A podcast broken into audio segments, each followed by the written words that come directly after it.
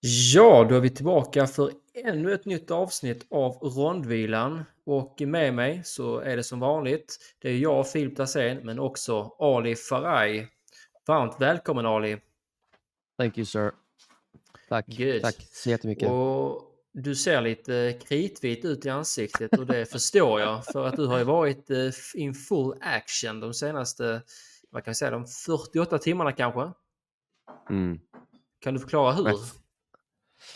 Alltså i person av kommentator på MMA-SM och eh, såklart vill vi passa på att alltså, haffa folk till podden när de ändå är här, helst i studion. Så vi passar på efter SM och eh, så fick vi möjligheten att få snacka med eh, eh, Viktor Mangs. Så självklart när han tackar ja till det så kan vi inte, alltså så då måste vi se till att det händer. Och man ska inte, alltså ska inte Mm. ljuga, man känner lite så, okej nu börjar det bli ångorna som är kvar i bränsle.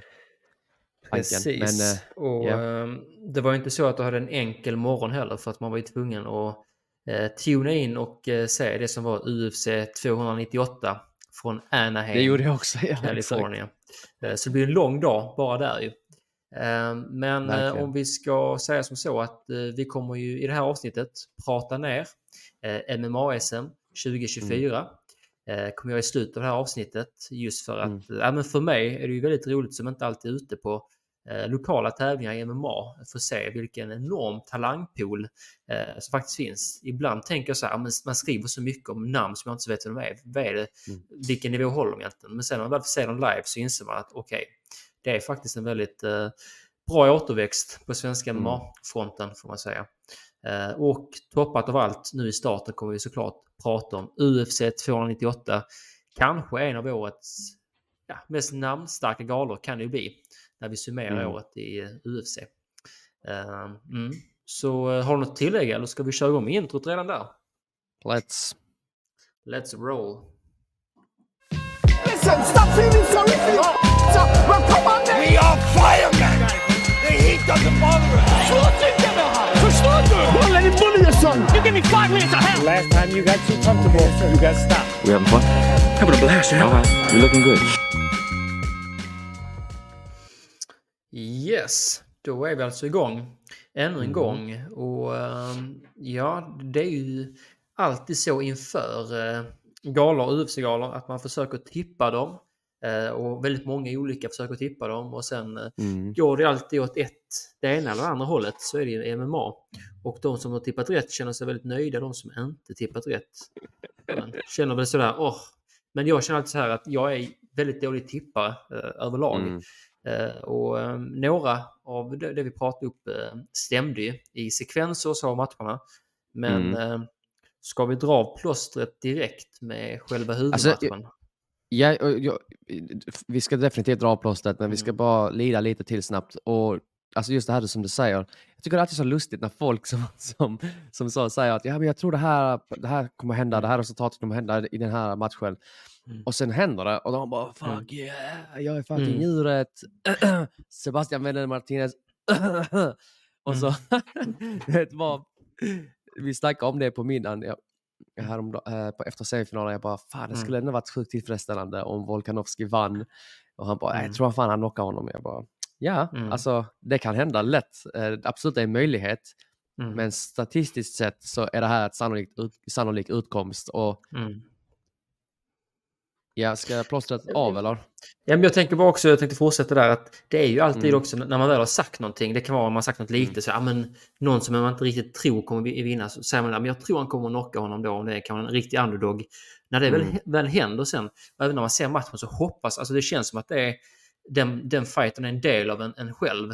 Eh, så verkligen Mm. hoppas på det man har förutspått ska in, inträffa. Men sen är det så här, vi sitter ju då i Sverige eh, och man kan ha mer insyn om det är svenska fighters, så att man vet, ja men den här personen har haft ett bra camp där och så.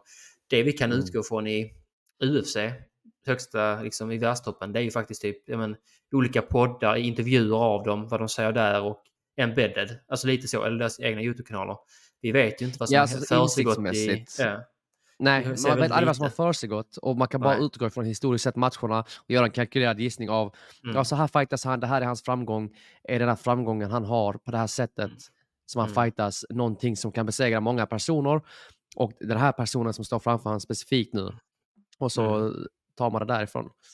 Och det sjukaste kan ändå... Ja. ja. Fortsätt. Nej men just, alltså, så, när, när man, just att folk prediktar en Topuria knockout. Alltså, Mm. det, alltså det, det är en sak att predikta knockout. Mm. Men det, det är liksom... Du visste inte att han skulle knocka honom mannen. Du visste inte, du hade på känn kanske. Du Mm. hade på känn, du hade en god, alltså så utbildad Mm. gissning om att så, det här är ett sann, en sannolik utkomst. Men du visste inte att han skulle knocka honom. Vet du, folk har jag la ut min eh, oddslapp där, eh, jag, jag vann ju alla matcher förutom en och det var ju eh, Volkanovski-matchen. Mm. Och så, skrev, och så skickade någon polare till mig, eh, Ahmed, han bara, han satte, Mm. han satte liknande matcher men han satte knockout på Topuria. Mm. Jag bara, alltså grattis, det var riktigt nice, grymt gjort, men eh, Mm. du visste inte att det här skulle hända. Det var odds som du var villig att spela på och jag kan berömma det. Det var bra odds att spela Precis. på, jag menar. Men, eh, ja.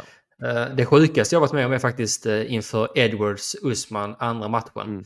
Jag, in, inför den, jag var inte så jättehype inför den galan. Jag tror jag jobbade mycket så. Men så var det, såg jag en minuts, eh, jag tror det var embedded jag såg, en minut inför den Mm. galan. Det enda jag såg. Och då såg jag bara att han och sparkade liksom på mittsar mot tränaren. Och så jag bara så. Det där så helt sjukt ut. Så jag till min kompis bara, ja, han kommer eh, han sparka sönder, alltså han kommer knocka Usman med en spark. Så han bara, ah, you tjena, för att alltså vi, vi var riktigt egentligen Usman, alltså så vi trodde ju helt och hållet på honom. Jag bara, "Ah, jag tror fan det kommer hända, jag har bara en magkänsla. Det är enda gången jag riktigt haft rätt och det var liksom helt surrealistiskt. När det väl hände sen, jag bara, I fucking told you so, liksom. Det var tydligt. Men du levde bra på den. så. Ibland Men det, så. vet, du, alltså, person, personligen, jag kan säga det som är mest tillfredsställande för mig, för man vet om, ibland tippar man helt rätt, ibland är man helt ute och Mm. cyklar. Men det mest tillfredsställande, speciellt i egenskap av expertkommentator, är när du kan i alla fall ehm, du kan förutspå hur, eh, hur fighten kan se ut. Sen Mm, resultatet, och allt, alltså, alla kan bli knockade och allt det här, men att Ja. du kan förutspå att det här är sannolikt, vilka verktyg han kommer använda, vilka Mm. verktyg den här personen använder. Ja. Det här är utmaningen för respektive person. Mm. Och det, det är det mest tillfredsställande att få till faktiskt. Ja, själva scenariot. Sen säger man, jag vet inte vad som kommer hända när de väl är där, men det, Mm. detta kommer hända detta kommer hända och sen kommer det hamna där och den som gör detta bäst kommer vinna. Alltså det är precis lite mer åt det hållet. För då är det Ja. lite mer, jag tror han kommer sänka honom. Ja, det kan hända ju. Eh, Mm. Men i alla fall, eh, Ilja Toporia, som är ju multinationell får man ju säga. Eh, Fy fan vad han kommer stor nu. Ja, han bor i Spanien va? Nu. Och Mm. kommer från Georgien och har bott Mm. i Tyskland. Det är väl på det. Ungefär så. Mm. Tror jag, om jag inte helt fel. Eh, och man såg ju att han har en stor familj i alla fall. De eh, kom in i oktagonen efter matchen. Eh, Japp. och de blev väldigt glada. Och det förstår man för att eh, ja, det här var eh, oerhört imponerande. Och och man kan ju säga imponerande kan ibland vara att man använder det för mycket. Men när man Mm. tänker efter så har väl Volkanovski varit mästare sedan 2018 eller 2019, någonstans Ja. där. Eh, så det, det har blivit ett gäng år och jag räknade, det var ju över tusen, ja men typ så här 1400 dagar någonting. Som han Mm. haft eh, eh, Han är längst, längst regerande mästare vi har. Mm. Precis, jag tror det var så femte längsta någonsin eller i den stilen Mm. i alla fall. Eh, Så att han är ju en rent historiskt sett också en väldigt, eh, men det är inte många som försvarar så många gånger i följd. Han är pound eh, så nummer tre. Mm. Precis, och några tyckte nästan att han var, eh, i alla fall för ett år sedan, kanske pound for pound nummer ett. Han var väldigt Mm. eh, eh, uppsnackad och det skulle han vara ju för att han har gjort det otroligt bra eh, de senaste åren. Eh, Men som sagt, jag ser bara det scenariot att rent storytellingmässigt är det ju perfekt för UFC. Om Topuria Mm. knockar honom, om vi får nytt blod i fjädervikten som har varit Max Holloway och Alexander Volkanovskis eh, division under nästan ett årtionde snart känns det som. Inte riktigt men eh, nästan till. Ehm, Mm.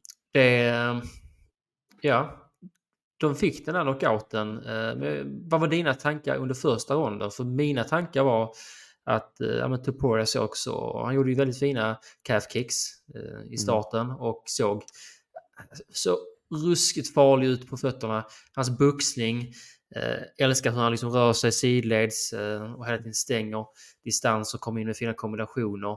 Men att sen Volkanovski lite Eh, men återhämtade sig ganska fint i slutet på första ronden och eh, Mm. jämnade ut det där och kanske till och med ja, tog väl ronden. Eh, men vad tänkte du under första ronden? Jag kan, jag kan säga, jag gillar inte det jag såg när han hamnade mot buren. Det, där kände jag typ så, okej, det här är inte ett bra, alltså en bra utkomst av den här exchangen som pågår just nu. Att det här utbytet av slag som du är nu på den mottagande änden av, att, att det här påverkar dig på detta sättet så här tidigt är inte ett bra tecken för vad som kan komma skall. Det visade sig vara så.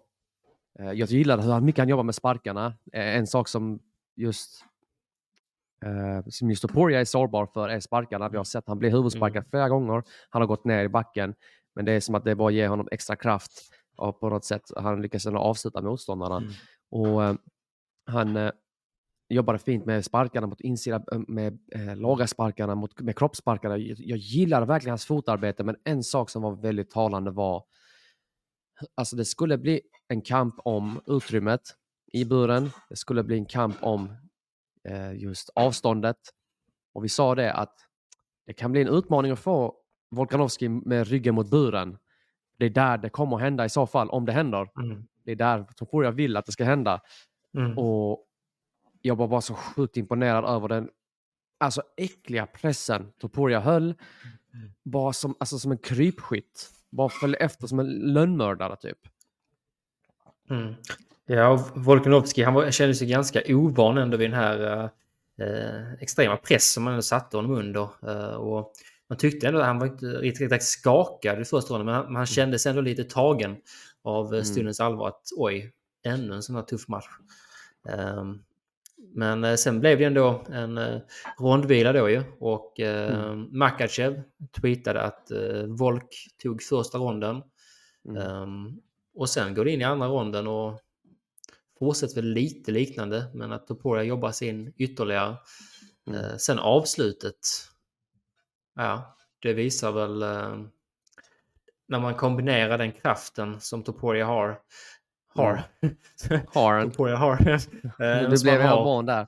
Ja, precis. Med, eh, med eh, teknisk briljans, skulle jag säga. Mm. Eh, Det är en farlig kombination och eh, det var rätt smärtsamt att se Volkanovski bli så pass hårt utslagen.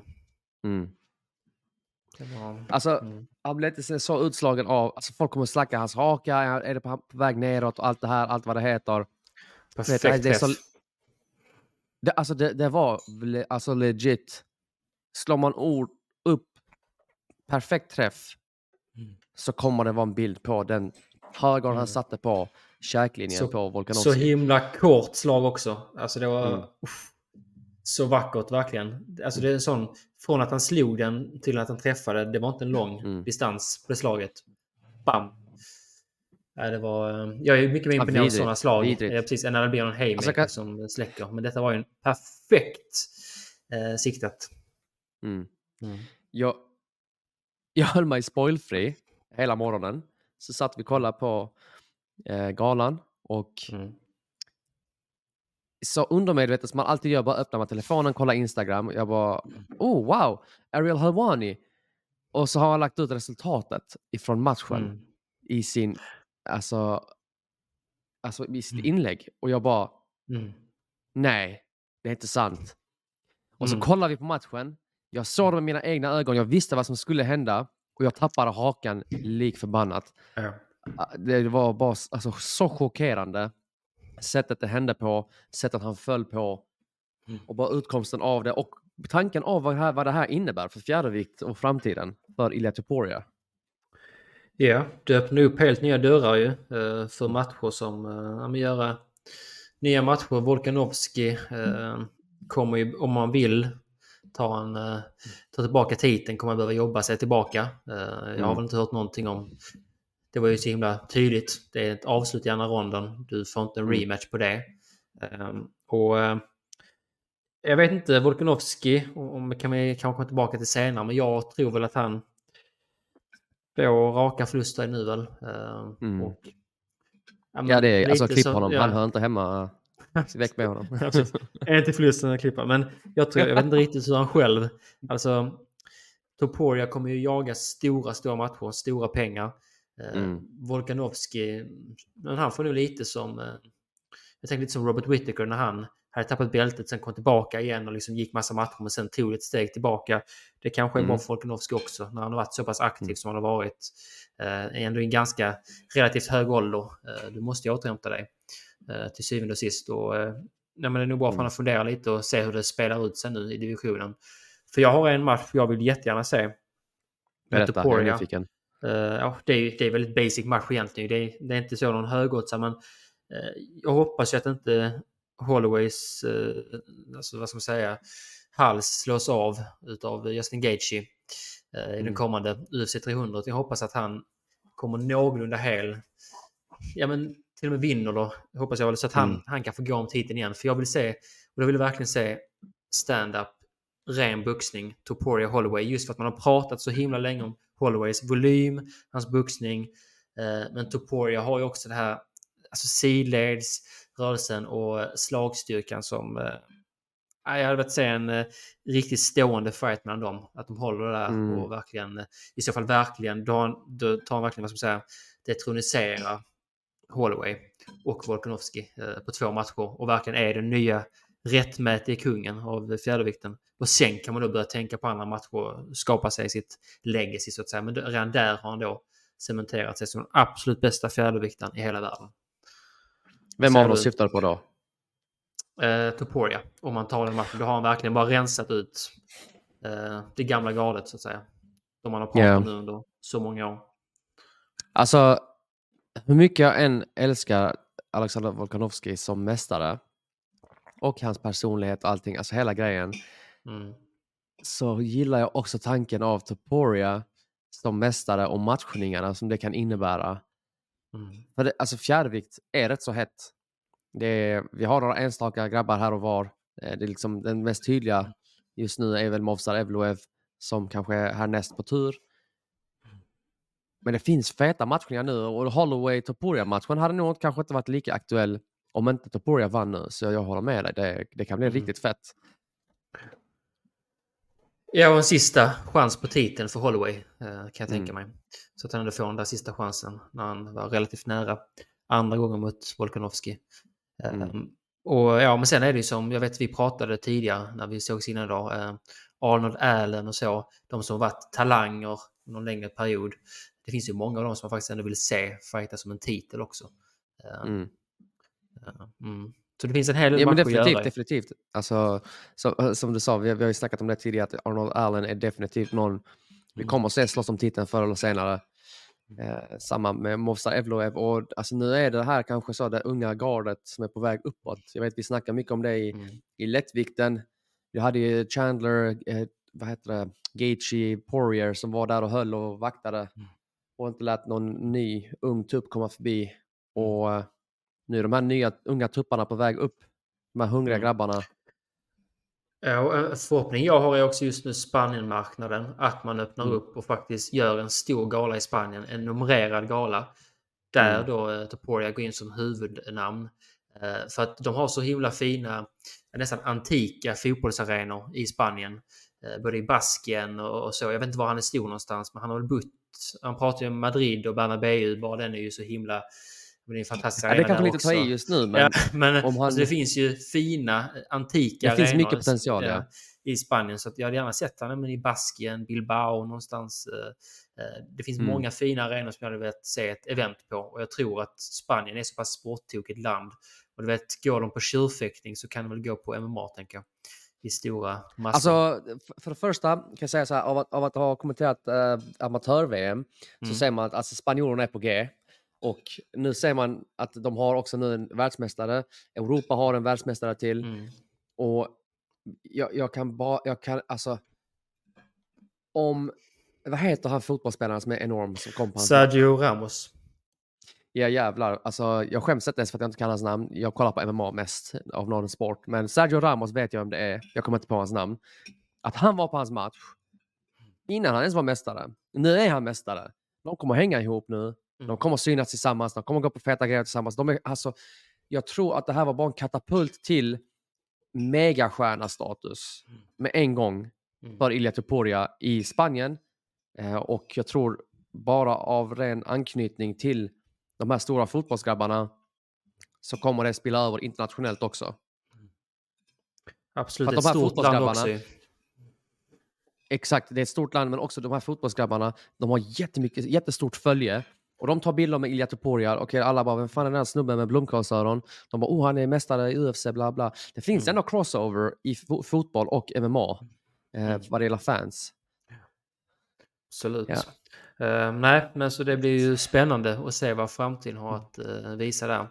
Uh, känns Mm. ändå som att Topuria inte kommer att vara inaktiv allt för länge. Jag tror han kommer att försvara det ja, men kanske under kvartal i, ja, men i sommar. Alltså jag tror han kommer nog vara tillbaka i Mm. sommar redan.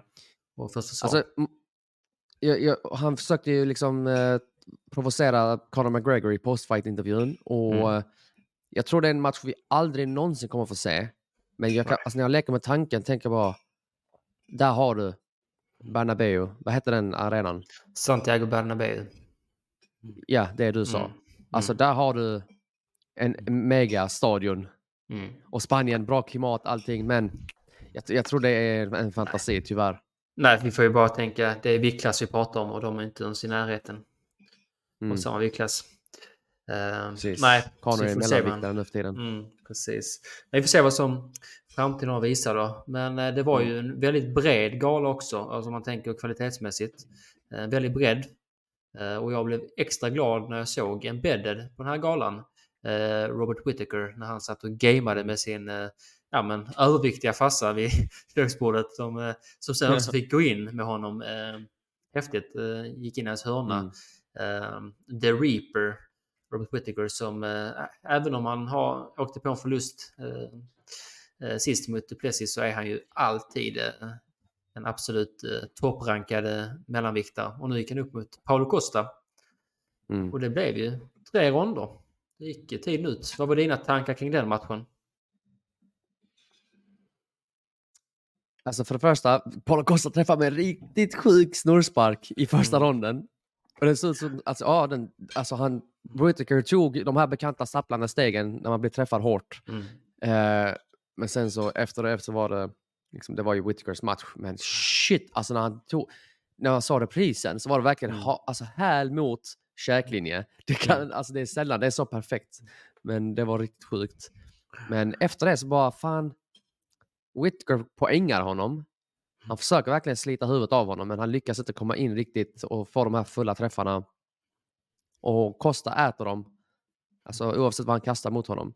Så det var... Jag har inte jättemycket att säga om den matchen egentligen. Den, var inte, den levde inte upp med förväntningar på det sättet som jag hade förväntat mig ännu mer våld, om man ska säga så. Eh, jag räknade med att Whittaker skulle nog kunna göra jobbet. Mm. Vad tänkte Det du? var ju en, var ju en oerhörd, eh, alltså storleksskillnad var ju oerhörd när man såg matchen, de mot varandra. Mm.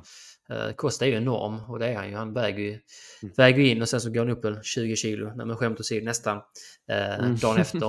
Eh, Jo, och jag absolut. tänker, som- ja, men jag tänker så här, Hans Whittaker, armar, han, mannen. ja det är helt extremt. Alltså, Alltså, what the fuck?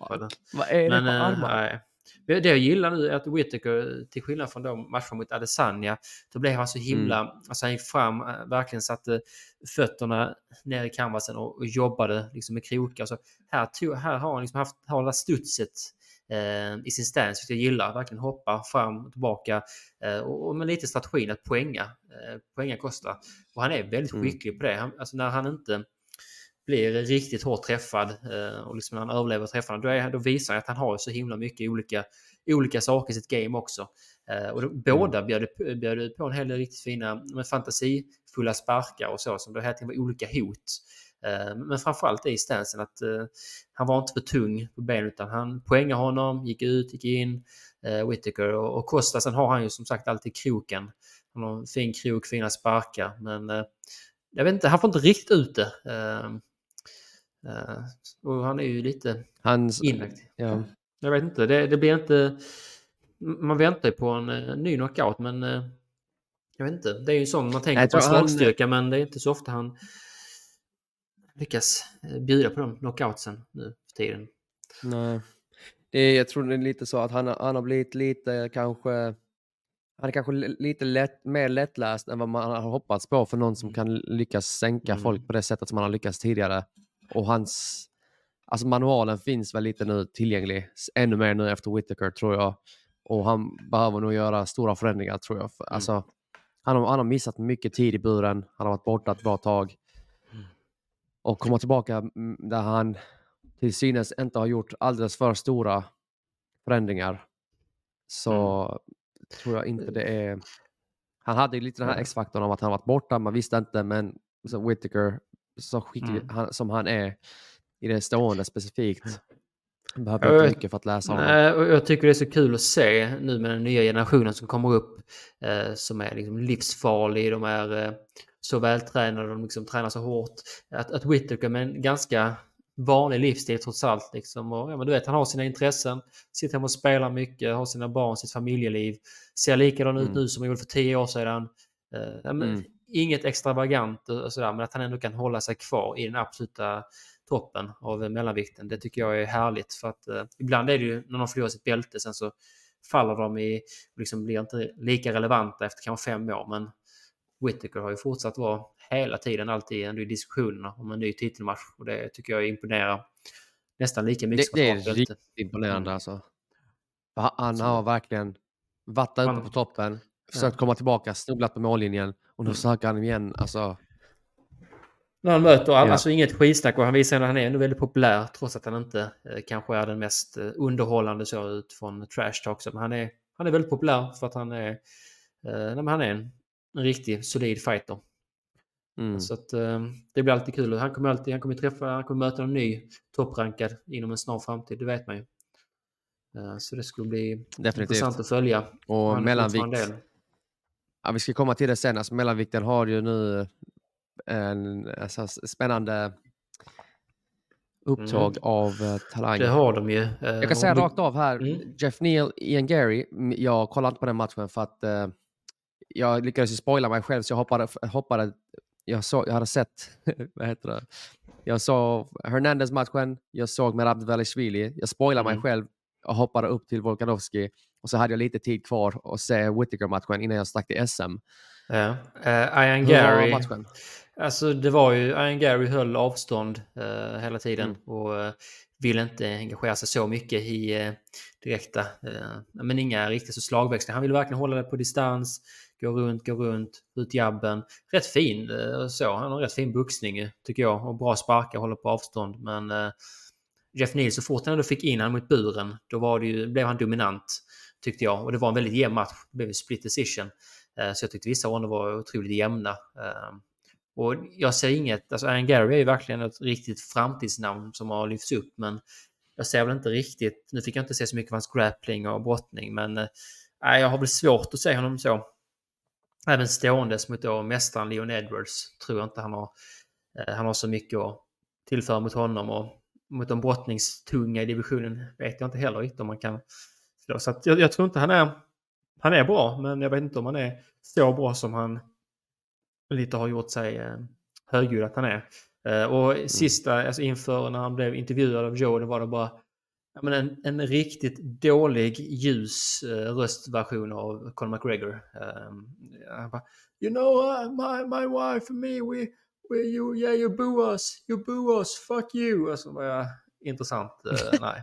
Ja, men det var så riktigt, det är fan eh, trasigt alltså. Ja, och fan att han, han tar och fokuserar så mycket själv på det här med hans fru. Såg du Embedded eh, när de var Ja. i, på shooterbox och han liksom bara skulle Mm. visa upp sin fru och barn hela, alltså nästan överdrivet mycket. Och sen då att de eh, tog hem hela teamet då ju på någon middag.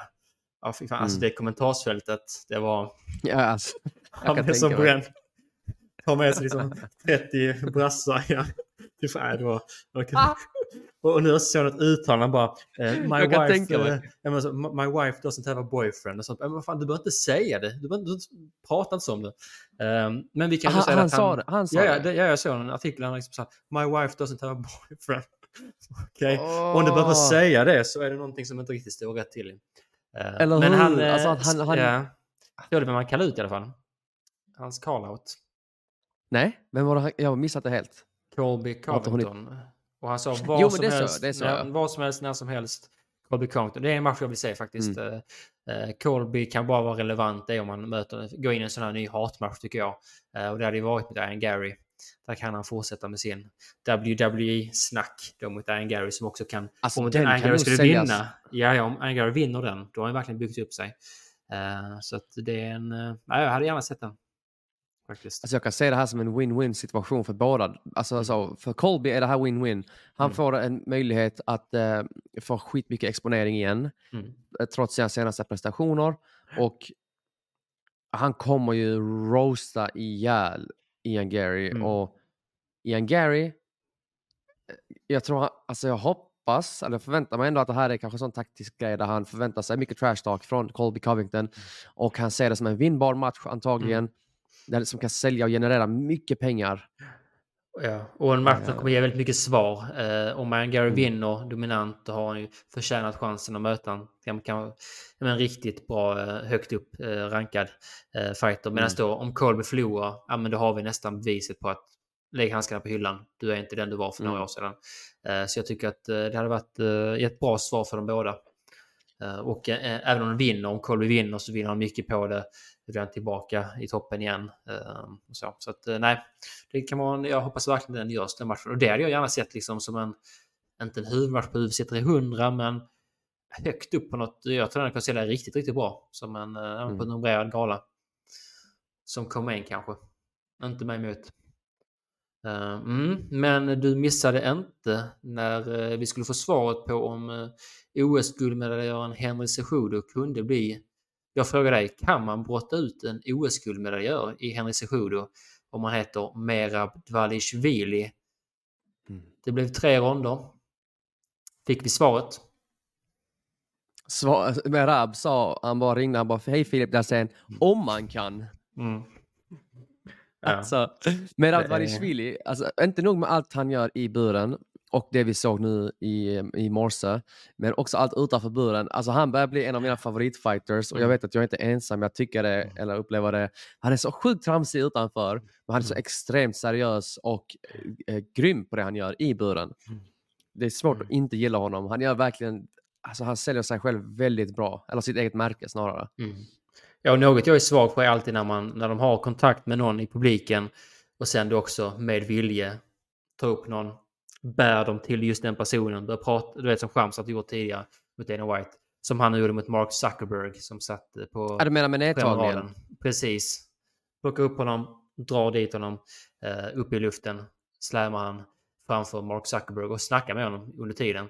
Eh, det, och göra det mot då en OS-guldmedaljör i brottning. Eh, ja, då förstår man ju vilken nivå det är man talar om. Men jag störde du dig på detta lika mycket? Jag satt, eh, jag, det var väl precis där vid kanten av huvudet, men jag tyckte att Merab slog han så himla mycket i baksidan av huvudet första ronden, Sejudo. Mm. Eh, och att domaren inte Jag kan inte- jag kan inte minnas märkte det. Alltså det, var ju, det är ju alltid tvek, det är alltid 55, man vet aldrig riktigt, men jag tyckte det var för mycket och för nära. Eh, Mm. och, sen tyckte jag att Sejudo gjorde väldigt fin eh, inledning på matchen. Men tog slut också, man, man märkte att han andades så tungt i rondvilorna. Ja. Eh, och hade inte, i tre, eh, tredje gången hade han ingenting att sätta emot. Han var ju slut. Mm. Eh, Jag, jag, jag snackade eh, faktiskt med Tom, Tom Kvarfort om det här, att just den här matchen var särskilt intressant och så frågade han vad han trodde. Och han sa faktiskt, han bara, jag tror, Mm. inte, jag tror Cejudo kommer, han, är han blir för trött om han ska brottas så länge. Mm, Eh, jag minns inte helt vad hans argument var, men eh, basically alltså, så visade det sig vara sant. Och det, Mm. det, jag tycker den här matchen är särskilt fet om man vill kolla på dels vad man strävar efter för att hålla någon nere Mm. och vad man strävar efter för att ta sig upp igen och sära på ett grepp som någon har om en. mm, Det här var, alltså det här var, fan, den här matchen får gärna hända igen i, i en annan konstellation av fighters med liknande skillset eller så färdigheter. För att det var så sjukt alltså fint att se vilken skicklighet båda två besitter. Men det var ju en, som, en av dem som lyckades göra mer som de ville än den andra. Och det var ju Merab Dvalishvili och hans, ja, nej, det var, ja, det var så jäkla fint.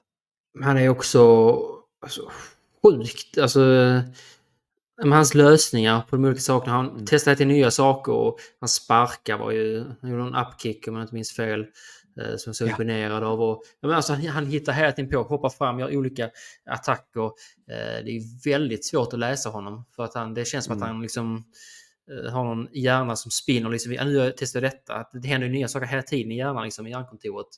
Eh, och, och sen hans, hans tank, hans gastank. Ja, jag vet faktiskt inte Mm. vad... Det måste vara något, någon form av genetiskt också. Eh, Jag vet att eh, Joe Rogan sa det att, eh, alltså Joe Rogan sa det att Colbert berättade för honom att, eh, Colbert Covington, att jag har alltid haft en tredje lunga. Även, alltså när jag började spela fotboll när jag var yngre, så alltid, alltid, alltid. Det måste, Mm. Han tränar ju stenhårt men också måste vara någon typ av... Att han också är i alla fall genetiskt eh, väl anpassad eh, med, med konditionen. För att, ja. Men sen sa jag också de, att han tränar väldigt, väldigt hårt, har hans team sagt. ju. Men eh, nej, det finns ju inget stopp på honom. Mm. Och, eh, ha- han vinner ju matchen. Det, det är helt sinnes. Jag kan inte Mm. relatera. Jag har minus två lungor. Nej. Så jag, vet, alltså, Ja. jag hade önskat, alltså vilken dröm att kunna brottas med någon så mycket och så Mm. länge. Alltså alla som tränar, som på någon, någonsin, av någon anledning har gått på en nedtagning vet om att göra det om och om igen, att kedjebrottas eh, och lyckas hålla dem ner och allt det här. Mm. Det, det är en skicklighet i sig. Inte bara tekniken i att du tar ner någon och hur du tar ner någon, men att hålla någon nere och att kunna andas och ta det lugnt på rätt ställen där du samtidigt inte ger den andra lägen att börja kontringsbrottas eller försvara sig och så här. Det är en extremt stressfylld situation och det märks ju uppenbarligen har de här grabbarna gjort det här så mycket, så många år.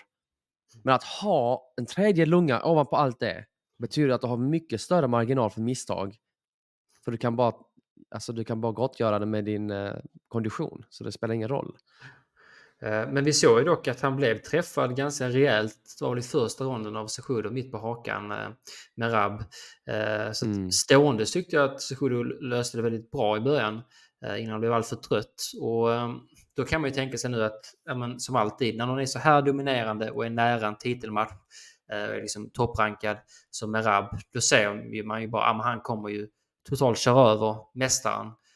Om då mästaren är Sean O'Malley så är det ju en striker. Eh, Och ja, mina pengar ligger på att han kör över honom. Men jag ser ju ändå någonting att Sean O'Malley, hans spetskompetens i det ståendes, eh, han kan ju, om någon säger nu att han kommer att släcka med Rab, det kan mycket väl hända. Jag ser båda, Mm. eh, jag ser båda sakerna kunna ske, men jag säger väl att eh, 90-98% så håller jag med Rab som storfavorit. Bara det att jag har ändå sett någonting som gör att Sean O'Malley absolut kan släcka honom. Men hela, ja, hela min hjärnprocess säger ju att Merab blir mästare och eh, en fruktansvärt jobbig mästare. För han har redan vunnit mot eh, alltså, folk som hade kunnat vara i, i en mästarfight. Liksom Peter Jan totalt dominerat honom. Tänk om man hade gjort detta när Peter Jan hade bältet. Eh, Mm. Tänk om man hade gjort det här när Sejoud hade haft bältet. Eh, Mm. man, man kan ju tänka på det viset och då hade man ju sagt oj vilken dominerande mästare det här är i Merab. Så att, eh, vadå, här kommer Merab bli mästare inom det kommande året? Vad tror du? Så det beror på. Alltså jag, jag tror att eh, Chito Vera kan mycket väl vinna över Sean O'Malley. Och vi kommer ju snacka om det när det väl börjar Mm. hända. Och, så det beror på. Alltså för att det, det på, helt och hållet på politiken kring om O'Malley förlorar och det blir rematches. Så bara av den anledningen så kommer han nog inte få slåss om titeln kanske. Men om man möta mycket Chito, väl- vad tror du då? Om, om Chito vinner och Chito Vera ställs mot eh, Merab, vad säger du då? Om du hade fått, bara nu liksom spontant, Om Chito Vera vinner vinner, mot O'Malley, och han ställs mot Merab Dvalishvili. Merab, yes. Hmm, jag måste tänka. Så, alltså jag, jag, jag gillar ändå Dvalishvilis eh, chanser i den matchen. Mer som- än i O'Malley-matchen ty- tycker jag faktiskt. Alltså jag, jag tror inte han, jag tror han besegrar Chito Vera utan, utan en problem. Ja. jag, kanske, jag kan underskatta Chito, men eh, jag tror att han tar det utan tvekan. Alltså verkligen. Ja. Men det blir intressant i alla fall. H- Hoppas han får en match för att eh, Dana White var, vi kan också säga det, Dana White spelar en roll i det här. Eh, Cejudo vill ju pensionera sig på nytt, hade tagit av handskarna. Eh, fick Mm. inte göra det. Eh, för att han sa det, han har redan fått göra det en gång. Eh, och vi hade, vi hade, inte, vi hade inte tid. Okej, vi hade inte tid, nej, jag fattar. Ehm, Så jävla jobbigt Eh, alltså. Han, har, alltså han, han, är inte, han avskydde det att Sejudo pensionerade sig när han skulle kunna tjäna pengar på honom eh, 2020 när det Ja. var. När han var största stjärnan. Det gillar ju inte Dana, det märker man ju. Men också då att han eh, sa fortfarande att jag har inte varit särskilt glad över Merab just för att han inte ville möta sin, sin teamkamrat i Elliman Sterling. Eh, och du vet vad vi tycker om det, har han sagt. Så att han, han har ju, det är inte någon favoritfighter, minst sagt. Men hoppas att han kan få en Ja, titelmatch. jag tror inte de kommer göra honom tjänster, alltså med Rab. Av det du beskriver. Det är det det låter som. Precis. Mm. Ja. Men, men. Sen var det en till match på main card om vi inte har Anthony något mer att säga. Fluffy Mm. Hernandez mot Roman Kopilov. Fy Mm. fan vad jag Ja. inte såg detta komma. Jag kommer aldrig underskatta Hernandez igen. Alltså, jag kommer nog snarare, låt mig omformulera, jag kanske har överskattat eh, Roman Kopilov.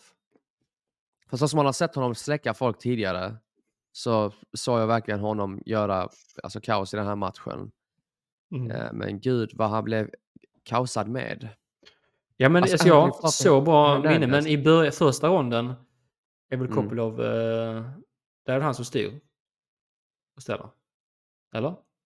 I, vad sa du, i första ronden? I första ronden, innan, för det var väl att det var en rejäl eh, alltså förändring i matchen när Hernandez tar övertaget i andra. Ja, i andra ronden så, alltså, jag minns det dåligt. Jag vill minnas att eh, Kopilov träffade mer i första ronden. Nu är det här alltså... Fan, Ja, men det är också 12 min bild. Men sen i andra ronden så kommer Hernandez in och säger mannen, fuck det där. Och Mm. bara blir riktigt sjukt brottare. Och drar ner honom. Okej, det är en sak att brotta ner honom. Right, bra jobbat. Han kan hålla ner honom. Okej, fan ännu bättre. Och så börjar han attackera ryggen. Man bara what the fuck är det som händer? Mm. Och så börjar han alltså, få in armen under halsen. Jag bara... Att vadå, kan, alltså, kan inte Kopilov någonting om grappling? Eller vad är det? Hur har han aldrig blivit Mm. hotad här innan? Eh, så, antingen, men jag misstänker att det är mer talande för att Hernandez är så extremt djurig i de här positionerna än vad det har att göra med att Kopilovs förmåga att försvara. Mm. Så Ja, nej det var eh, imponerande avslut. Minst sagt. ja, alltså vi ska inte glömma att, att visst det är MMA, men äh, Hernandez har ju submittat Rodolfo Viera som vi såg för nu här om veckan Mm. som är en legend inom grappling liksom. Så ja, Precis, det är olika. Man kan inte bara överföra en annan kampsport och tro att eh, det ser vi allt som oftast är Ja. mat. Det är ju en helt annan. Det är som jag ibland sitter jag och berättar för dig. Men fan varför gjorde jag inte så här med händerna och detta och detta. Men det är MMA. Det är inte det är en annan kampsport. Det är så lätt att bara tänka men nu kommer jag in som expert på det här området. Gör detta Mm. och sen bara blanda ihop det med annat så kommer du bli bäst. Nej, det är väldigt... eh, Det är en speciell eh, sport, MMA. Och ehm, sannoliken. Jag tänker som så här, MMA är en speciell sport och eh, den är ju bäst när man upplever den live. Har jag rätt där? Det är jag beredd att hålla med om. Mm. Och du fick uppleva MMA-SM live från första paket ju. Eh, Mm. I Malmö. På Redline eh, Training Center, nya lokalerna på entré. Och folk som inte känner till Malmö så är entré ett, men så detta jätte, det var liksom det deal för tio år sedan innan eh, Innan Emporia kom upp då och blev ett jättestort Mm. köpcenter. Eh, Men det är fortfarande, finns fortfarande del butiker där det är fortfarande fräscht och eh, Redlines lokaler är Det minst sagt imponerande. Ja. Nu har jag sagt imponerande Ja, precis. 170 gånger idag. Helvete. Fan, ta bort det. Men... mm. Nej, det var jävligt fett. Väldigt fett, Vä- väldigt stort, storslaget, eh, kul och framförallt kul. Jag älskar att vara på MMA-events för att träffa andra utövare och tränare från runt om i landet. Det tycker jag är det absolut roligaste och tyvärr så får vi inte ner folk från lika högt upp i landet längre Mm. ända ner till Malmö. Men när det är SM så bevisligen tar sig folk ner och det, det uppskattar jag väldigt mycket eh, att få vara på plats och ta del av. Det, Mm. det var ju särskilt fett. Alltså för Ja. Det är min absolut, det absolut roligaste med att få vara del av dessa eventsen. Att få Ja, träffa jag- andra och precis. socialisera. Och jag tänker vi kommer framförallt prata om dagens då, i, nu är det söndag, finalerna Mm. eh, som jag också såg eh, från åskådarposition. Eh, men kan du Ja. dra någonting från lördagen? Var det någonting som eh, eh, du liksom... Jag kan, jag kan, jag kan sammanfatta och summera Mm. lite snabbt.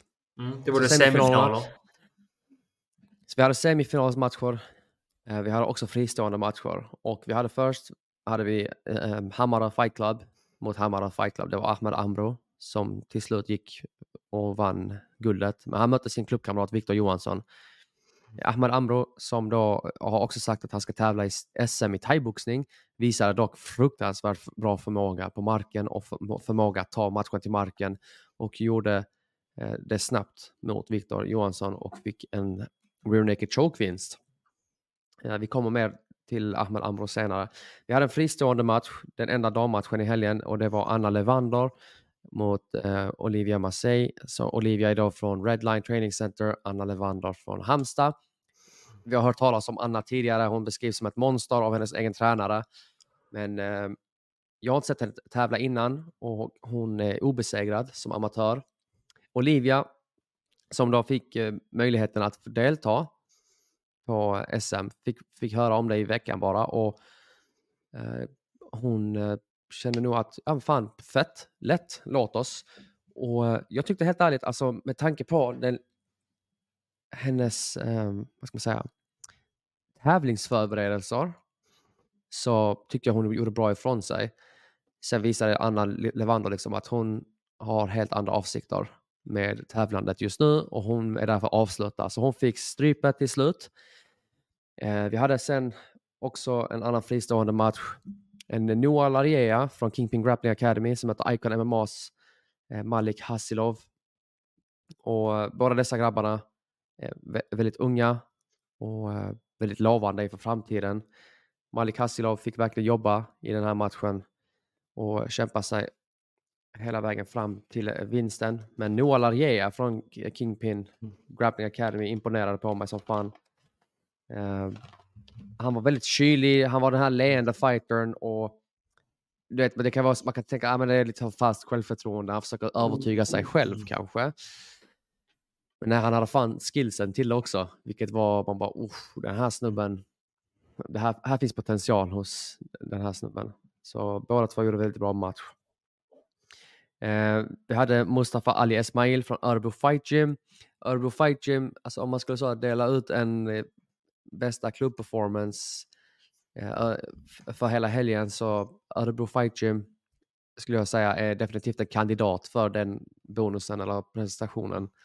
Mustafa Ali Esmail kommer in mot eh, Mujtaba Haidari och Muje då som jag har dels tränat med eh, Alltså, han tränar thaiboxning här i Malmö.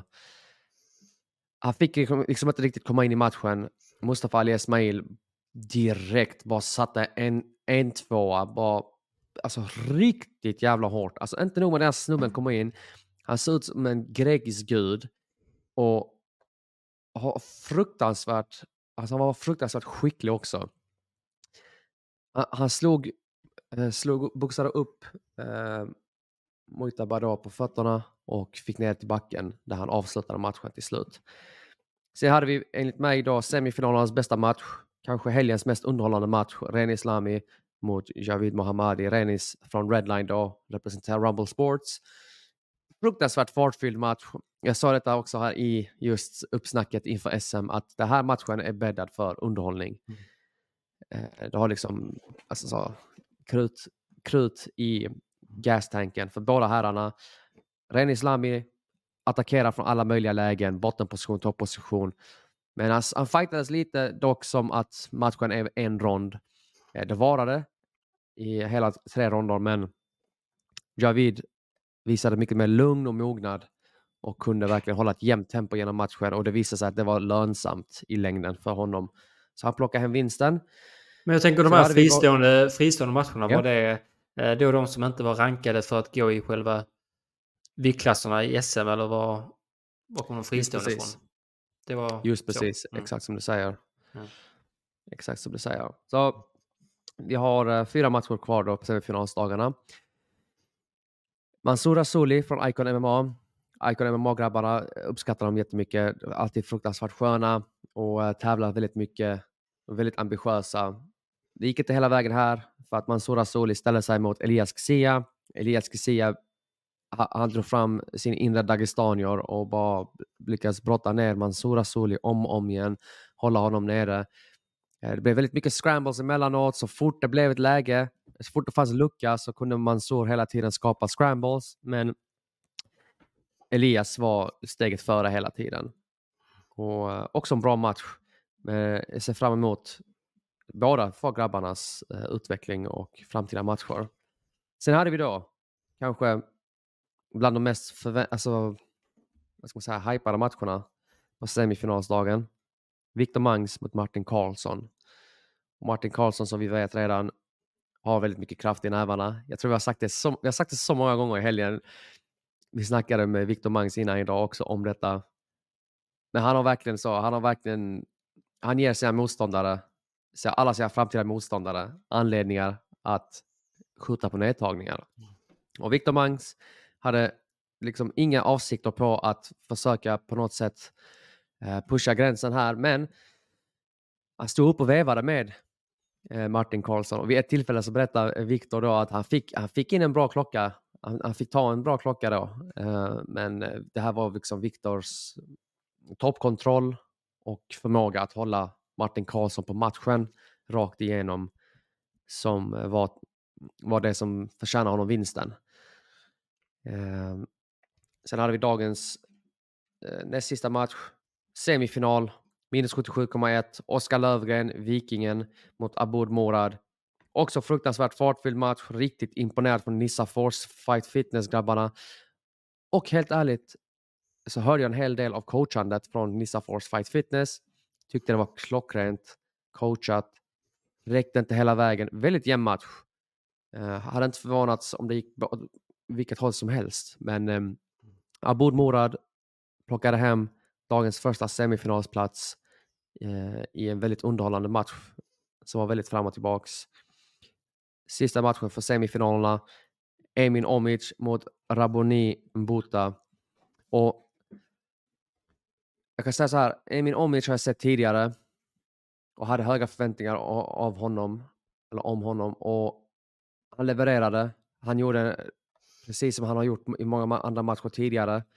Lyckas ta matchen till, ba- eh, till backen och kväva sina motståndare med slagen, med submission-hoten och så växlar han däremellan. Och Raboni har jag inte sett fightas innan förrän igår, då, alltså, eller sett han fightas live. Också fruktansvärt imponerad av honom. Han var lite steget efter. Han har en del, utvecklas, en del områden att utvecklas i. Men jag ser väldigt mycket fram emot att se vad han kan komma att eh, utvecklas till för förmåga i framtiden. För han har ett bra team bakom sig och bra träningskamrater.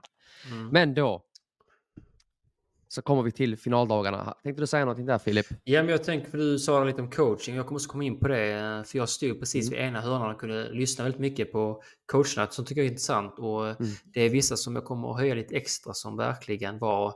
Till och med jag fattade vad jag skulle gjort om jag hade varit inne i buren. Eh, väldigt tydligt Ja. pedagogiskt. Så att, eh, det ska bli kul att lyfta. Jag skulle säga så här, alltså Filip, när jag kom hem efter semifinalsdagarna till att börja med, varenda match visade på så hög nivå, så fruktansvärt intelligens och mognad på olika sätt i alla utövarna. Jag var, jag var så lyrisk när jag kom hem. Jag kände Mm. bara, fy, alltså fy fan vad fett. För det första SM och kunna få se detta live och vara längst fram och få kommentera detta. Alltså jag njöt legit av hela alltså, eh, semifinalsdagen, även finaldagen för den delen.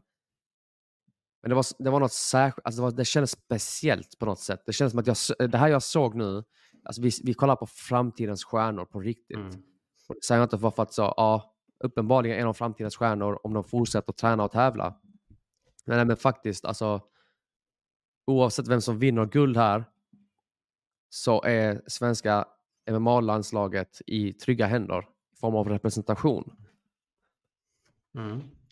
Finaldagarna Och, då? eh, Precis. Ja. Finaldagens datum med ett bang. Det var ju så fort det är hemmafighter så blir det ju extra bra stämning. ju. Eh, Mm. Och eh, du har ju bättre koll på honom än mig, men i C-klass fjärdevikt, 65,6 kilo. Bilal Mm. Abu Al Nasser från Redline Rain, Training Center mötte då Samuel Yesil, Yesil från Kingpin Grappling Academy. Ehm, och Det här är hade- någonting som du har snackat Ja. om en del idag. Mm, det har jag. Kan du Just berätta bara... dina intryck? Ja, men du vet själv, eh, det första man ser är alltid det visuella ju. Eh, Bilal, Mm. som han heter, eh, ja, men, ser väldigt ung ut. Jag tänkte, men hur gammal är han? Liksom, eh, kan han eh, gå match här? Eh, ser rätt ung Mm. ut, rätt liten och så. Eh, Eh, och inget, vet, vissa har ju sådana kroppar man bara oh, Jesus, okej, okay, det här ser som en brottare. Men eh, Bilal såg som en vanlig atlet liksom. Eh, men när han väl gick in, eh, Eh, det var liksom bara bam. Eh, oerhört eh, snabb. Eh, de nedtagna fick till. Så det känns bara vilken kompetens som sitter i en sån ung, ung fighter.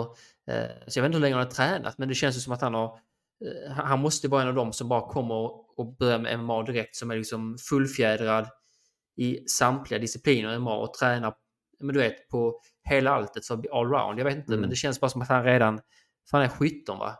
Eh, och redan nu har ju något som man, man inte ser på, menar, ibland till och med i världsklassfight som man inte ser har luckor. Men han bara... Han, han körde inte över sin motståndare men det var ju... Ja. Lite yeah. så eh, svårt att sammanfatta till och med. Bara att jag, det var en sån där wow-faktor som jag verkligen... Yeah. Ibland är det så. Bilal har Ja. Han har verkligen det. Så, Samuel Jesil kom inte riktigt helt och hållet in i matchen, eh, vilket var synd. Jag såg fram emot att få se mer av Samuel Jesil. Mm.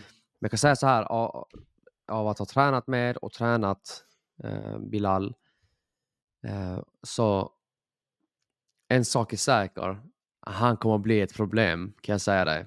Och vi såg det igår, jag tror många som såg det såg att det fanns potential. Jag kan säga så här, Sebastian sa också det, eh, Wendel Martinez, i sändningen. Och han sa det att Bilal ger honom problem, han kan submitta honom till och med. Mm. Och det betyder, alltså då kan man ju tänka sig, ja ah, fast det är klart Sebastian, eh, du är en white belt. Mm. Eh, men det är inte det det handlar om, utan det är också att, att Bilal är fan riktigt beast. Eh, och, alltså, jag har tränat mycket längre än honom och jag, alltså, jag, jag kan tycka att han är mer utmanande att rulla med än vad han borde vara. Mm. Så att sett till hans erfarenhet eh, och eh, ålder och mognad. Alltså, han, alltså tänk när han, får, när han får komma in i sin kropp mer och får den här mansstyrkan också. Alltså, Exakt, han har inte Sjukt. genomgått den fasen ännu så att han Sjukt. kommer bara bli ännu bättre. Och, jag tänker ja. när man är 17 och man ska ha jag vet, inför dina träningskamrater, han har många han ser upp till förmodligen på Redline. Alla kollar på honom, alla så vet, coachar honom lite från sidan. Mm. Eh, att ha den pressen, sen du har din familj där och kompisar där. Eh, det är ju en press som man kanske kan hantera bättre om man är 25-26 och har gått några matcher och liksom, när man har en erfarenhet och rutin, en bas av rutin. Men är du så pass mm. ung, då kan ju det käka upp dig inifrån. Även om du är bättre än din motståndare kan det käka upp dig. Men det visar ju inte några typer av tecken på. Mm. Så eh, ett utropstecken. Alltså, verkligen. Och det, och det är värt att säga som alla, alla, mm. alltså, speciellt de här unga fightersen, alltså att få tävla i det här sammanhanget under dessa omständigheterna. Alltså, mm.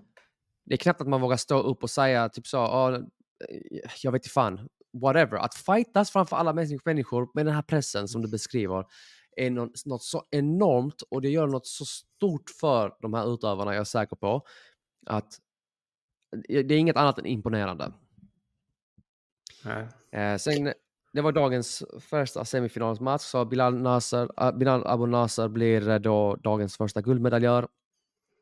Eh, vi hade Cengiz Özor mot Ahmed Amro. Ahmed Amro då från eh, Hammarö Fight Club och Cengiz Özor då kommer och vill verkligen visa att han kommer att plocka hem guldet.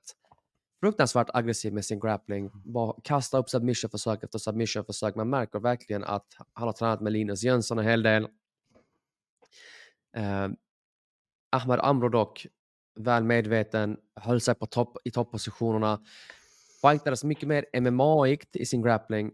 Cengiz fightades lite mer jiu-jitsigt, om det makes sense. Mm. Var lite väl bekväm från ryggen Medan Ahmed Amro körde mer topposition och kontrollpositioner istället och försökte hota på det sättet.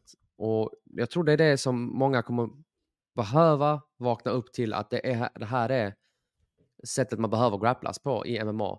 Du behöver ta dig till topplägen och behöva sätta din kroppsvikt som en pjäs i liksom, din kontroll här. Mm. Det, här behöver, det, är, det är till din fördel att du ligger med din kroppsvikt på dem. Tyngdkraften är på din fördel och allting. Och Hammarö Fight Club, de var ju med i två finaler eh, idag. vinner båda. Och det är ju då en av de hörnorna som jag verkligen vill lyfta, lyfta fram. För de eh, hade då sina hörnor precis vid mig båda gångerna. Och otroligt pedagogiskt, väldigt lugna budskap och extremt direkta. Det var verkligen detaljnivå. Upp med din haka, Mm. gör det här. Tryck, eh, tryck mot hans högra axel. Eh, det, var, det var, var liksom inte bara de där vet, vanliga eh, som ibland bara kommer på eh, rent måfå. Man säger har tio stycken eh, grejer man, man ser liksom. Eh, Var det inte Örebro du syftade på? Jo, de också. Jag har två stycken, så även de. Men eh, ja. du spoilar. Men, ja, förlåt. Men Vi- vi kommer till det. var, ja, men Hammarö första, så Ja. jag, de vill också lyfta att de var verkligen eh, väldigt bra även de. Eh, de visade i två att de kunde liksom nästan förändra en match med hjälp av sin coachning. Så det är kul att kunna se live, för det ser man inte när man ser det hemifrån. Eh, Ja.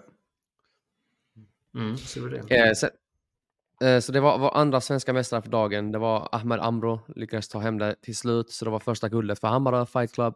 Svensk mästare i Ahmed Amro. Fruktansvärt imponerad och han ska tävla i thaiboxnings-SM senare i mars också. Så han visade upp, jag förväntade mig att jag tänkte, jag hörde detta innan SM, att han skulle delta i thai-SM också. Tänkte okej, men han är nog en striker. Kommer in, gör fruktansvärt bra i brottningen, i grapplingen, topposition, allt det här. Jag kan bara föreställa mig, alltså går han thai-SM nu också, går kniper ett guld. Alltså fruktansvärt allround. Och, då har han inte ens gjort sin A-klassdebut. Eh, sen hade vi ännu en in, inhemsk, eller man ska säga, en klubb, ett klubbderby. Och det var Sahan Shokuhi mot Enes Ahmemulic. Båda två före detta svenska mästare på olika sätt, men definitivt den mer erfarna av de två var Sahan Shokuhi, flerfaldig judomästare eh, och MMA-mästare, plockade bronset då på VM. Eh, och så har du Enes Ahmemulic som kommer in med guld för, förra året.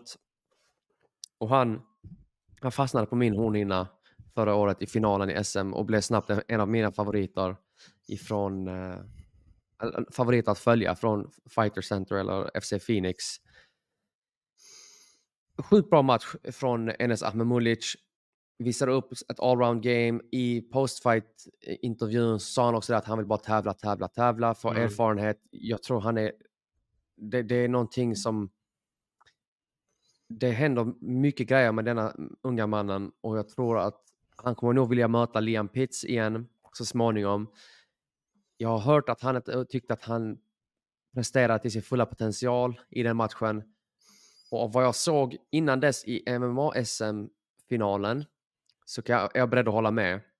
Det var ändå första matchen på stora scenen. Eh, så ja, Enes Ahmedmunic plockar hem guldet i alla fall och det ska Mm. bli jättefett att följa den utvecklingen. Ja, alltid speciellt när man möter en klubbkompis ju. Förmodligen sparar sig väldigt mycket tillsammans. Ligger samma vikt, men eh, jag vet inte, jag fick inte riktigt... eh, Det var rätt mycket på marken i den här matchen. Eh, Så det var Mm. inte min höjdpunkt, men eh, det var en snygg Nej. seger. Ja, Mm. och det, alltså, de, de- här grabbarna har tränat ihop, de vet vad det är varandras styrkor och jag tror ändå, även om de är där för att vinna guldet, eh, jag fick ändå intrycket av att så, kan de undvika att skada varandra så är det nog fördelaktigt. Ja, det var lite Men eh, det var inte också. så att de höll tillbaka på något sätt. Mm. Men när det väl var på marken så var det på Mm. marken. Mm. Eh, Men jag tror inte de höll tillbaka på något sätt. Sen hade vi då finalen, minus 60 65,8 kilo. Då hade vi Elias Kisia som då hade gjort sig förtjänt av en finalplats mot Benjamin Hajijan. Och eh, du sa den här matchen. Mm. Jag har ju alltså, berättat massor om Benjamin. vet, Svensk mästare i brottning, Mm. svensk mästare i MMA. Eh, var obesegrad i Sverige fram till för någon månad sedan. Och vi vet om vad han går för. Han har visat mer och mer i buren. Vi fick ytterligare ett kvitto idag på att han är mer och mer allround och han kan visa det i buren. Ja, och en eh, otroligt bra brottare. Väldigt bra att få ner det på marken och när han väl var där att utnyttja positionerna. Eh, sen tycker jag att eh, lite mer eh, långa, lite längre räckvidd och så på Elias Kessia från Gbg Mac. Men hade inte riktigt slagstyrkan kändes som eh, för att hålla borta Benjamin som hade krävt när du möter sån allround fight- fighter. Men jag måste säga det att jag var otroligt imponerad. Så jag imponerad igen. Otroligt. eh, Men jag, jag gillar verkligen när man... Han överlevde verkligen längre än vad jag trodde i den här matchen. Eh, Han vägrade vika ner sig. Det där är Eh, fan en riktigt Göteborgsfighten. bullkomplimang. Eh, Ja, men, Men han, men, alltså, Eli- Elias Garcia är fruktansvärt uthållig. Ja. Han är Ja. inte alls i närheten lika erfaren som Benjamin och med tanke på det Mm. så, alltså så som han presterade i alla fall och vilket motstånd han, han, gav, Mm. han gav det motståndet han Mm. kunde ge.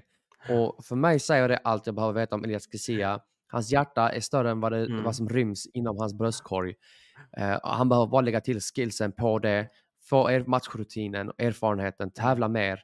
Och jag tror att, helt ärligt, jag tror den här snubben, om han kan bara ut, kan han utveckla en stenhård jabb, han Precis. äcklig. För jag tror jabben, den är, den är lång och så, men får han upp den, Mm. lite både hastigheten och styrkan, eh, då kan, kan den verkligen eh, göra problem för motståndaren. Men jag, jag måste säga det, otroligt tuff. Eh, för att han, det var inte så att han bara eh, tog emot slag i den sekvensen när han bröt matchen. Det var även i första ronden Mm. jag tänkte, klarar han av det? Jo, men han garderar sig fint med de tunna handskarna. Eh, så att eh, han har väldigt mycket att ta med sig. Och det, det känns väl ofta så tråkigt att få komplimanger när man förlorar. För jag såg också att många kom fram till honom och berömde han efter matchen. Mm. Men det är verkligen eh, så att man kan förlora på ett väldigt bra sätt. Och, och en, lär, en lärdom också. Jag vet inte hur gammal han är. Men jag tror detta är nog en väldigt bra lärdom för honom att ha eh, framöver. Absolut. Så att eh, nej, det var en... Eh, och även där var en hemmafighter som fick mycket jubel. Ja, alltså, Benjamin. och Benjamin nu som förtjänar platsen igen i landslaget. Eh, vi får se nu om det blir proffs härnäst för honom, för det skulle han kunna göra om han vill och vi får se om han kör en vända till i utlandet och representerar blågult. Eh, oavsett så um, mycket lovande. Det vi fick se från Benjamin var fruktansvärt imponerande. Och eh, då kommer vi till vad, vad som enligt mig var kanske den mest hypade matchen i, i, eh, vad heter det? I turneringen eller kanske finalen överhuvudtaget. Ja. Sett till meritmässigt, eh, historiskt, historiken mellan båda herrarna, eh, erfarenheterna mellan dem, och vad de har åstadkommit. Och det är alltså Viktor Mangs mot Anton Ringvall. Och båda två har ju mötts tidigare. De har fightats tre gånger. Det här blir deras fjärde möte och jag tror de båda två allra helst, det, han sa ju det också när vi intervjuade honom innan, att han skulle ju gärna vilja lägga locket på den här rivaliteten också. Eh, Ringvall sa likadant när vi snackade med honom. Och eh, jätte, jättekul match, alltså rolig match. Och precis som, ja, vi kommer få höra sen när vi släpper avsnittet med Mangs, men det var verkligen så, vi sa också det, att den som kunde få nedtagningen och hamna på topp var ju Mm. den som skulle behålla den positionen. Och det var sant för båda två. Tung, tunga slag ifrån Mangs var, var väldigt benägen om att alltså, han ville verkligen avsluta matchen. Han ville verkligen inte lämna det i domarnas händer. Men om det är någon som kan ta det och vända på det så är det också Anton Ringvall. För han tog några tunga slag. Jag tror inte han, ble, han var glad över att han behövde ta de slagen, men att han kom tillbaka sen i nästa rond och kunde vända på det på det sättet som han gjorde är allt man behöver veta om Anton Ringvall. Mm. Och det skickligheten han besitter, pannbenet han besitter och vilket hjärta han har. Mm. Han ändrade ju på riktigt, eh, gjorde anpassningar ju, som gjorde att han vann matchen. Men jag måste säga, säga det, jag tyckte det var en liten nivåstegring här. Att det kändes nästan eh, som en professionell match. Eh, för det, träffarna, de tog, tog väldigt mycket hårdare, eh, min uppfattning, än i, andra matcher. Så det här var verkligen eh, inte två färdiga kombatanter, men eh, väldigt nära att kunna gå in i en eh, proffsoktagon inom en kort framtid, är min känsla. För att de kändes väldigt, slog hårt och just de kunde anpassa sig på marken. Och som du sa, det var just den som gick för det, fick nedtagen. Den kunde också vara förare på marken. Så väldigt, och jag tyckte det var, som sagt, Hammarö hade bra coachning och jag tycker att han blev, eh, fick in några träffar där i första ronden, mangs på honom. Eh, men jag tycker han anpassar sig till seger.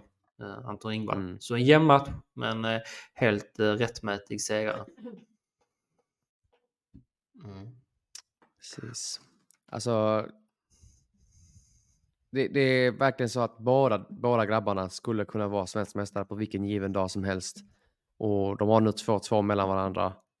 Och ja, nej, det är hög nivå som du säger Filip. Och det är säkert skönt att höra det från dig som inte är insatt i deras historik nödvändigtvis, men kan se det utifrån som någon som kollar på kampsport och analyserar kampsport. eh, att de, de förtjänar sin, sin cred, verkligen. De förtjänar sin cred och de visar verkligen fram, alltså, de visar de här unga talangerna också vad, vad det finns för möjligheter för dem, vad de kan uppnå också med, med sina skills och sin, sin skicklighet. Jag, är- jag är taggad på att se eh, dels vad, vad Ringvall kan åstadkomma i landslaget och eh, om han av någon anledning mot förmodan nu skulle ge bort sin plats, vad i så fall Mangs kan göra i landslaget. Mm. Precis. Yes. Och sista matchen. Då var det Emin Omic mot Abud Murad. Så Emin, som vi sagt tidigare, den här snubben är en, alltså, han, är, han kommer att vara ett riktigt problem för 77 i Sverige.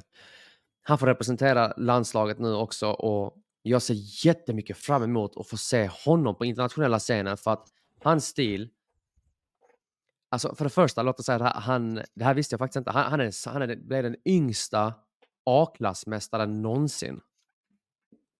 Ja, hur gammal är han? En 18. 18 och typ så.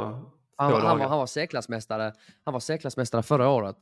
Så nu får han fightas i A och B-klass.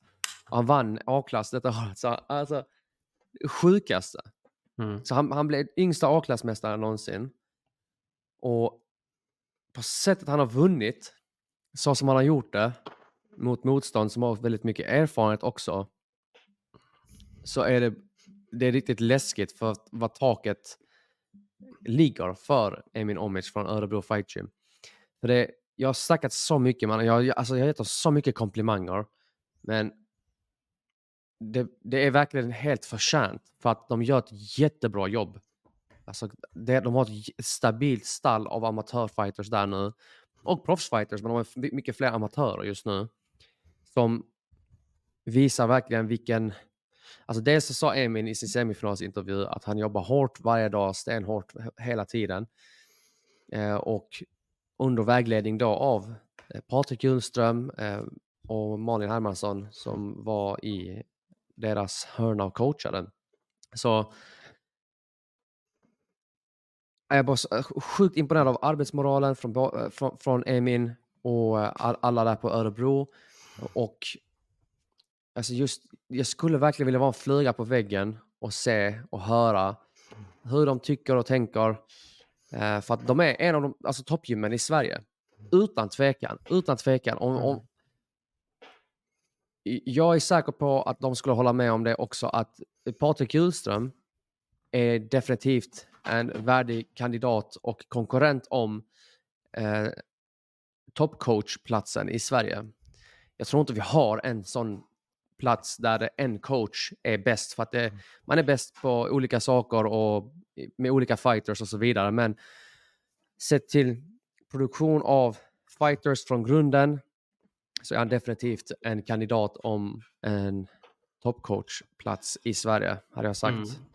Och det hade- ser man bara på ja. hans utövare, för de är bland de bästa i Sverige just nu. Ja. Och när de, eh, de, när de låg eh, ner och brottades i, en viss del av oktagonen kunde jag inte se det för det var en pelare som var i vägen. Så då eh, ägnade jag fullt och bara lyssnade på Patrik Hjulström då och kollade på honom i hans råd. Och det var verkligen, som tidigare berättade om den andra hörnan, väldigt pedagogiskt. Jag förstod exakt vad han ville att hans utövare skulle göra och väldigt lugn. Eh, just så som jag tycker att en hörna ska vara. Eh, så det känns som att han eh, behöver inte hävda sig eller någonting utan verkligen bara gav sin utövares det bästa. Eh, Så jag, Mm. jag hoppas att vi kan få med dem i podden inom kort så vi kan eh, få reda på lite Ja. vad det är som händer där i Örebro. För att de har en bra boxningsklubb med Kamran Kabinejad i spetsen, Örebro BK. Men vi Mm. vill även ha en... Ja, det verkar som att de... Vi ska Det var få, vi ska få Emin. Vi ska få jag, jag, det hade varit så nice om jag, jag frågade dem om de ville komma på podden, komma in i studion, men de har sex timmar att köra hem. Ja. Det var det också så, jag visste, alltså, jag, det, det var lite mycket att begära. Men jag, Mm. jag, ville, alltså, jag skulle ändå känt mig riktigt, alltså, jag skulle inte varit bra om jag inte ställde frågan. Mm. Eh, de, eh, kände att de nog behövde köra hemåt, men vi kör en videointervju istället. Så vi kommer få Mm. snacka med Emin Omic. Och jag ser Mm. jättemycket fram emot det. Det ska bli jättekul att få höra lite hur han eh, tänker och ja, Precis. Mm. det är egentligen det. Det Så är det. eh, Emin Omic, sista mästaren för dagen, 77 kilosklassen. Och lustigt nog, Filip, Mm. i eh, Aboud Morads hörna. Så Aboud Morad, han gjorde verkligen allt han kunde för att hantera den här bottenpositionen från Emin Omic. Han var ju bara för mycket, helt enkelt. I Aboud Morads hörna stod Ratko Tomic, som var förra årets svenska mästare i minus 77,1. Där ser man. Bara Cirkeln liten, eh, nästan anekdot. sluten. Om man har vunnit hade cirkeln varit sluten. Mm. Precis. Jag, jag såg, jag kollade på Ratko när de skulle dra, säga beslutet och alltså alla visste i stort sett att Emin hade, hade gjort, alltså Mm. han hade förtjänat domslutet. Och jag, jag, jag tyckte jag såg på Ratkos blick att så, han, han, han var glad för Emins skull och eh, imponerad av hans prestation. Han var impressed by his performance. Mm. Det var mitt intryck i alla fall. Ja. ja, det är ju en fullspäckad helg det har varit och eh, du måste nog gå och sova nu säger jag. Det är min eh, 100% mannen. professionella åsikt. Ja. Eh, men eh, ja, det var ju kul att snacka ner både UFC 298 och MASM 2024. Och om man undrar så här vad tankar om nyheter och det som har hänt så kommer vi ju komma tillbaka väldigt snart igen med ett nytt avsnitt eh, där vi benar ut det. Och det är ju ingen tid till vila för att det kommer komma mycket galor även nästa helg. Så att det är... eh, Mm. mm. Det är nu tävlingssäsongen verkligen stegrar känns det som både Mm. i MMA eh, i Sverige och utomlands. Mm, Verkligen. ja. Men eh, Gött Filip. om vi nöjer oss där så är det väl bara dags att eh, säga vadå till våra lyssnare. Ciao! Ciao!